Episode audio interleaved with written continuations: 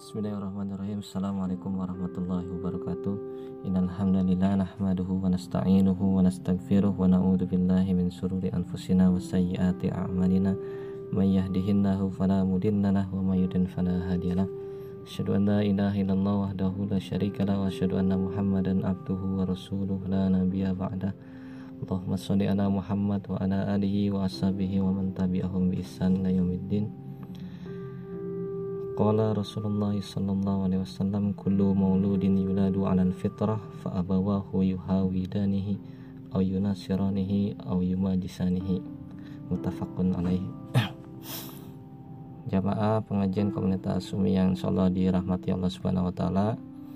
Insyaallah kita akan uh, membahas pada kesempatan hari ini ya salah satu fase pengasuhan ya, dalam Islam yang merupakan rangkaian dari tiga fase ya. Insya Allah kita akan bahas secara tuntas nanti uh, bertahap ya.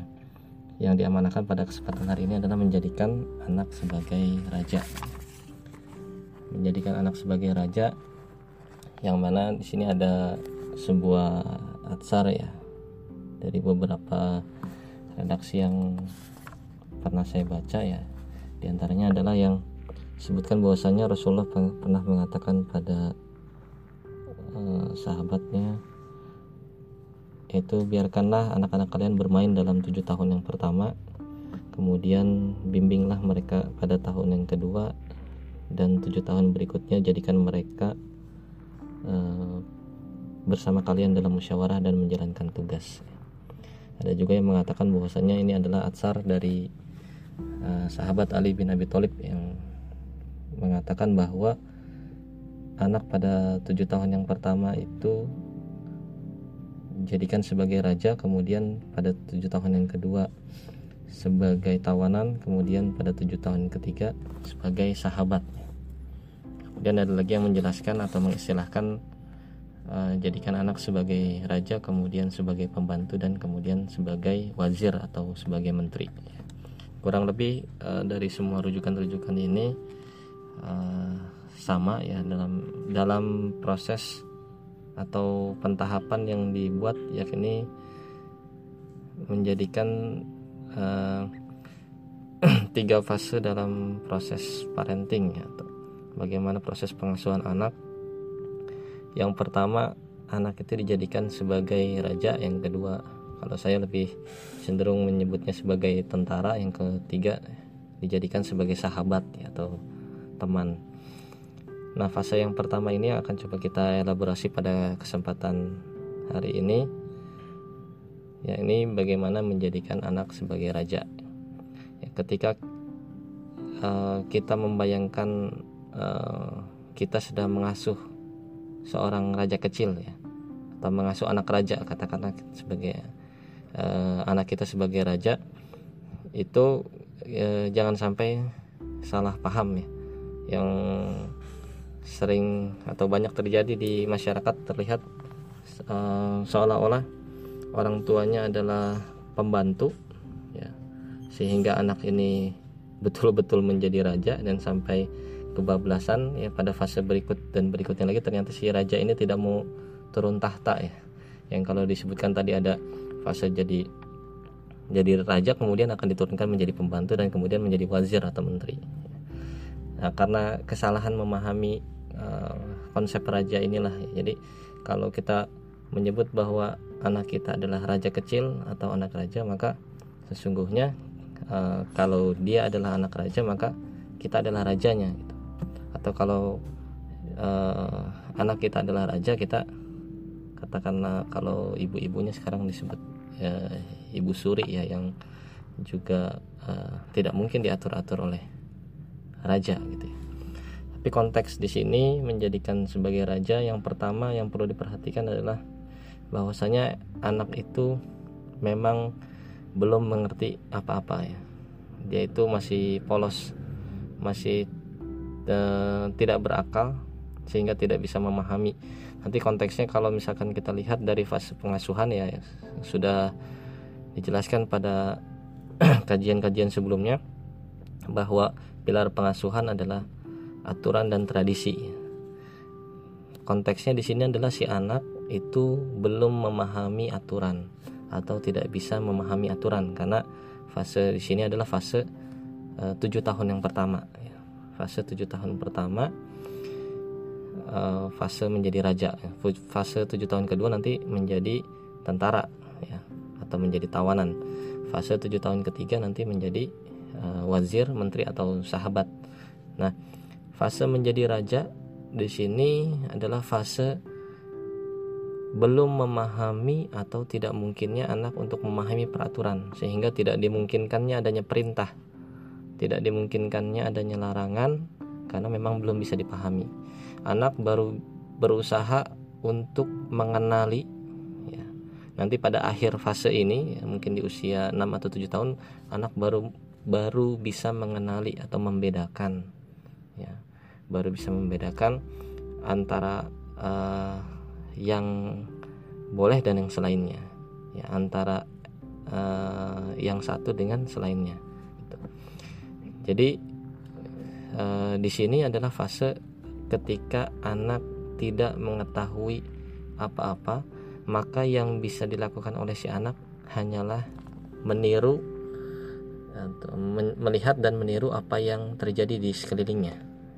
Anak dalam hal ini adalah sebagaimana yang sering disebutkan dalam uh, menurut para ahli ya anak adalah peniru ulung ya.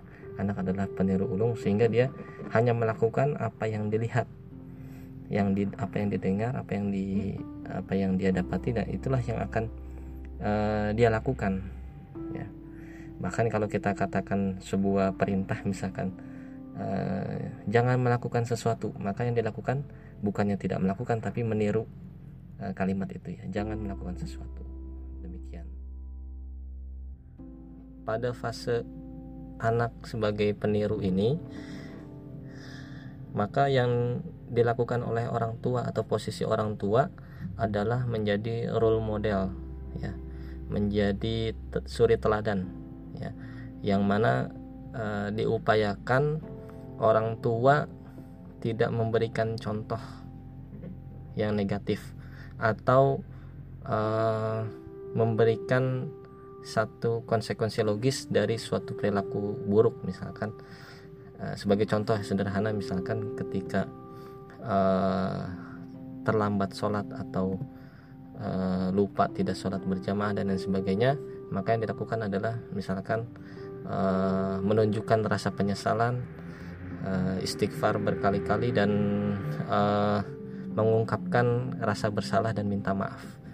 Yang ini ditunjukkan atau diungkapkan di hadapan si anak agar si anak tahu bahwasanya itu adalah sebuah kesalahan sehingga anak akan meniru atau merekam di dalam benaknya bahwa uh, apa yang dilakukan setelah melakukan hal tersebut yang kita nilai sebagai kesalahan ya meskipun si anak sendiri tidak memahami itu sebagai sebuah kesalahan ya karena belum adanya konsep nilai Nah, di sini sebagai contoh saja bahwa ketika melak, uh, tidak sholat ke masjid atau terlambat sholat maka yang dilakukan adalah raut wajah penuh-penuh penyesalan, istighfar dan lain sebagainya.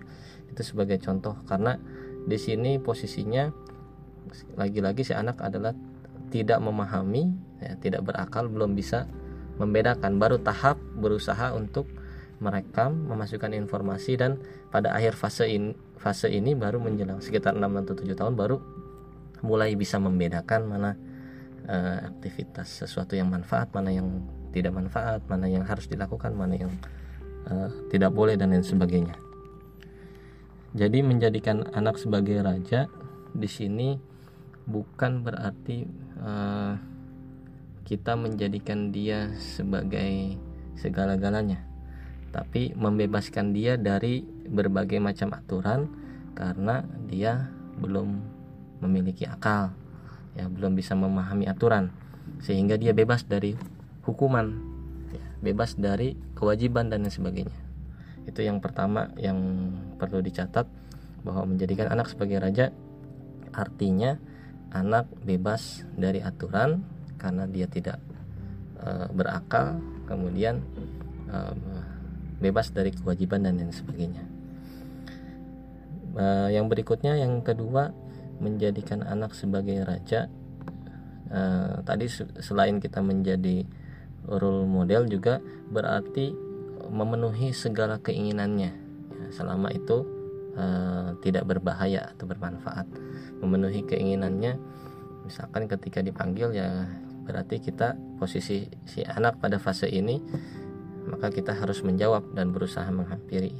Karena kadang-kadang panggilan itu kita tidak tahu apakah panggilan yang serius atau tidak serius panggilan bercanda atau tidak. Jangan-jangan apa butuh bantuan pertolongan atau uh, tidak ya uh, tangisan juga seperti itu ya. Jangan kalau bisa jangan sampai si anak uh, dari memanggil sampai menangis ya. Kadang-kadang anak mengungkapkan rasa lapar dengan teriak dengan menangis dan sebagainya. Nah perlunya kita respon dan memperhatikan mana yang dimaksud oleh si raja kecil ini ya. dan perlu kita berikan contoh ketika dia salah menggunakan uh, apa mengeluarkan satu tindakan yang yang kurang tepat gitu. Misalkan kalau meminta makan uh, dia menangis. Maka ini perlu di diralat atau diperbaiki dengan cara memberikan contoh. Ya, membimbingnya dalam pengertian diperlihatkan ketika ingin makan. Ya jadi jangan kalau makan nangis kalau buang air nangis dan lain sebagainya. Nah diberikan contoh gimana ketika kita makan. Dengan cara mungkin uh, bisa juga mendekat apa memberikan pendekatan respon stimulus ya. Kalau nangis berarti tidak dikasih makanan atau kalau bilang minta makan baru dikasih makan dan lain sebagainya. Ini sesuai dengan kondisi dan uh, kejiwaan si anak. Artinya harus betul-betul diperhatikan kebutuhannya dan keinginannya karena si anak sendiri belum bisa membedakan mana kebutuhan mana keinginan. Jadi kita yang harus bisa uh, orang tua harus bisa memahami lebih dari si anak itu memahaminya. Kemudian kita memberikan teladan ya memberikan contoh agar si anak itu bisa meniru ya bagaimana cara caranya meminta makan bagaimana caranya uh, uh, misalkan uh, meminta tolong dan lain sebagainya gitu. Kapan saat nya menjerit yang tepat dan sebagainya. Jadi sebagai bentuk uh, role model atau dalam bahasa yang lain ini adalah penanaman konsep diri yang pertama ya yang akan dijadikan uh, pola oleh si anak dalam dirinya ya. Uh, dia pemarah atau tidak emosional atau tidak ini biasanya dipengaruhi pada fase ini sehingga kalau anak misalkan cenderung gampang teriak dan sebagainya itu biasanya uh, karena respon yang terlambat atau respon yang kurang tepat dari orang tuanya ketika uh, dia menginginkan sesuatu ya. Ada anak yang biasa melempar orang tuanya atau marah dengan melempar barang dan sebagainya. Itu ya biasanya karena dia melihat sesuatu misalkan melihat kakaknya atau orang tuanya melakukan hal tersebut. Kemudian saat dia melakukan ternyata tidak ada uh, respon. Tidak ada respon balik tidak ada tindakan uh, yang mencegah dia uh, yang memberikan feedback agar uh, dia menghentikan tindakannya dan sebagainya gitu. Jadi ya pada hal yang kedua ini yaitu uh, agar orang tua betul-betul memperhatikan urusan si anak ya baik itu kebutuhannya maupun keinginannya. Yang terakhir yang perlu diingat uh, bahwasanya fase ini adalah fase bermain ya yang tadi disebutkan juga dalam satu kutipan biarkan anak-anak kalian bermain pada tujuh tahun yang pertama. Uh, karena kita ulangi lagi karena tidak ada peraturan tidak ada kewajiban kemudian uh, kebutuhan dan keinginannya belum bisa dibedakan kita yang harus lebih mengenalnya uh, tentu saja maka di sini tidak adanya uh, konsep belajar dalam pengertian yang formal ya. Tidak ada proses pendidikan ya. Sebagaimana sudah saya jelaskan dalam kajian sebelumnya perbedaan antara pengasuhan dan pendidikan. Artinya di sini fase si anak bermain bebas ya. Fase 0 sampai 7 tahun atau 7 tahun pertama ini adalah fase bermain yang dalam proses permainannya itu uh, ya tetap dijaga tetap dirawat tetap diperhatikan uh, tapi di sini dia harus betul-betul bisa mengeluarkan semua potensi-potensinya ya. Potensi berbicara potensi geraknya motorik halus dan kasar lah bahasa psikologinya. Kemudian juga mungkin sosialisasinya uh, mungkin emosinya juga bagaimana cara mengeluarkan emosi dan lain sebagainya. Proses bermain ini adalah proses di mana anak melakukan sesuka hati. Melakukan sesuka hati sambil uh, di akhir fase kita mulai uh, memberikan penegasan tentang pengenalan-pengenalan uh, tertentu agar bisa membedakan mana yang berbahaya mana yang tidak berbahaya dan lain sebagainya. Ya, jadi uh, ini uh, penting ya pada fase ini menjadikannya sebagai raja karena kalau sampai fitrahnya cedera atau terganggu maka nanti dampaknya bisa lebih panjang lagi bisa lebih repot lagi ya. dalam sebuah riwayat Rasulullah pernah menggendong seorang anak kecil ya yang kemudian ketika sedang digendong Rasulullah ternyata anak itu uh, kencing gitu ya. Jadi kemudian karena uh, an anak itu mengencingi Rasulullah sang ibu dari anak itu uh, bersegera ingin merebut anak itu dari Rasulullah. Kemudian Rasulullah uh, menyetopnya ya. Kata Rasulullah kurang lebih kalau kalau dia mengotori apa kencingnya itu mengotori bajuku maka bisa dibersihkan. Sementara kalau apa kalau dia sampai hatinya terluka itu lebih susah lagi ya, apa membersihkannya atau mengembalikan normalnya. Jadi uh, di sini Rasulullah saja sampai uh, membiarkan pakaiannya kena kotoran anak ya dan dan membiar apa melarang ibunya untuk uh, mengambilnya ya. Alasan si ibu tentu saja logis karena uh, menghormati Rasulullah dan tidak ingin Rasulullah terkena uh, air kencing dari si anaknya. Tapi Rasulullah memperhatikan dan memberi pengajaran pada kita bahwasanya fase ini adalah fase si raja kecil yang tidak boleh terganggu sampai sakit hatinya kemudian kaget karena apa suatu kejadian yang seharusnya tidak dikagetkan gitu kan. Jadi trauma misalkan karena teriak karena tiba-tiba ibunya merebut menggendong secara mendadak dan lain sebagainya. Dan ini mungkin sering dilakukan oleh para orang tua tanpa sadar ya. Tiba-tiba menjerit, teriak atau hal yang seharusnya tidak perlu ada, tidak perlu uh, terjadi, tiba-tiba jadi uh, seolah-olah sesuatu yang mengagetkan. Nah, ini yang uh, menjadi pelajaran bagi kita semua ketika kita memiliki anak pada usia 0 sampai 7 tahun ini atau 7 tahun yang pertama maka sekali lagi kita harus menjadikannya sebagai seorang raja yang tidak terikat dengan peraturan, tidak mengenal kewajiban. Kemudian juga si anak ini harus diperhatikan kebutuhan dan keinginannya.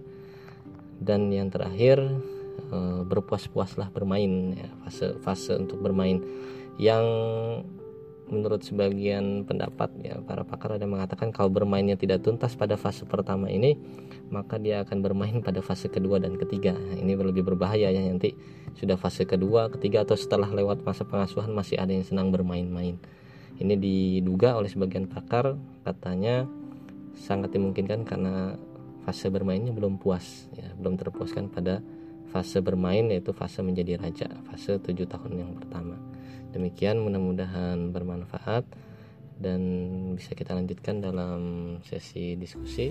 Billahi taufiq wal hidayah. Assalamualaikum warahmatullahi wabarakatuh.